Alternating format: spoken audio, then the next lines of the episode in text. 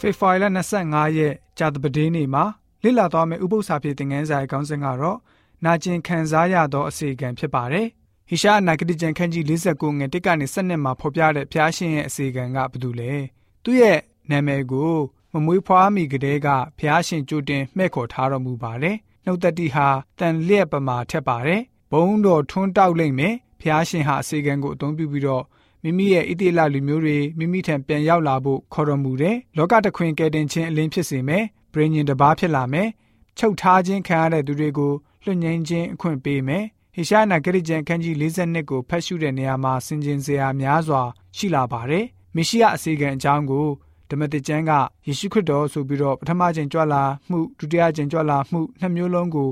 ရည်ရွယ်ရေးသားပါတယ်။ အဲ့ဒီအစီကံဟာမေရှိယဖြစ်ခဲ့မယ်ဆိုရင်ဖျားရှင်ကနေပြီးတော့ဘာကြောင့်ဣတိလာလို့ခေါ်ဆိုရတာလဲ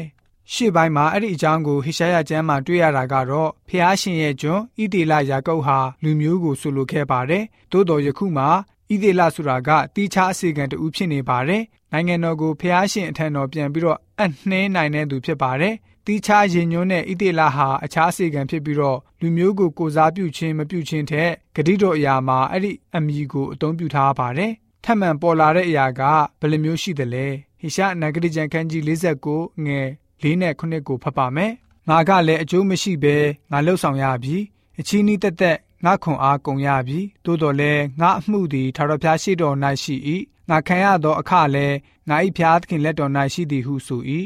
ဣတိလအမျိုးကိုရွေးနှုတ်တော်မူ၍ထိုအမျိုး၏တန်ရှင်းသောထာဝရဘုရားသည် အဘယ်သူမျှမှနှစ်သက်တပြီလုံးယွန်ရှာပွဲဖြစ်၍မင်းထံ၌ကျွန်ခံရသောသူအားမိန့်တော်မူသည်ကားတစ္ဆာရှိတော်မူသောထထဖျားတင့်ကိုရွေးကောက်တော်မူသောဣတေလအမျိုး၏တန်ရှင်းသောဖျား၏ကျေးဇူးတော်ကြောင့်ရှင်မြင်းသည်မြင်၍ထားကြလိမ့်မည်မင်းသားတို့သည်လည်းကိုးကွယ်ကြလိမ့်မည်ဆိုပြီးတော့တွေ့ရပါတယ်ခက်ခဲမှုများစွာပါဝင်တဲ့ကိစ္စတွေမှာအစေခံရဲ့တာဝန်ဝတ္တရားဖြစ်ပါတယ်ညီးတွားတဲ့အတန်ကတော့ငါကလည်းအကျိုးမရှိဘဲလှုပ်ဆောင်ရပြီးအချင်းကြီးတက်တက်ငါခွန်အားကုန်ရပြီးဆိုပြီးတော့ဖြစ်ပါတယ်။ဆိုလိုရင်းကတော့ဒိန်လအနာဂတိကျမ်းခန်းကြီး9အငယ်26နဲ့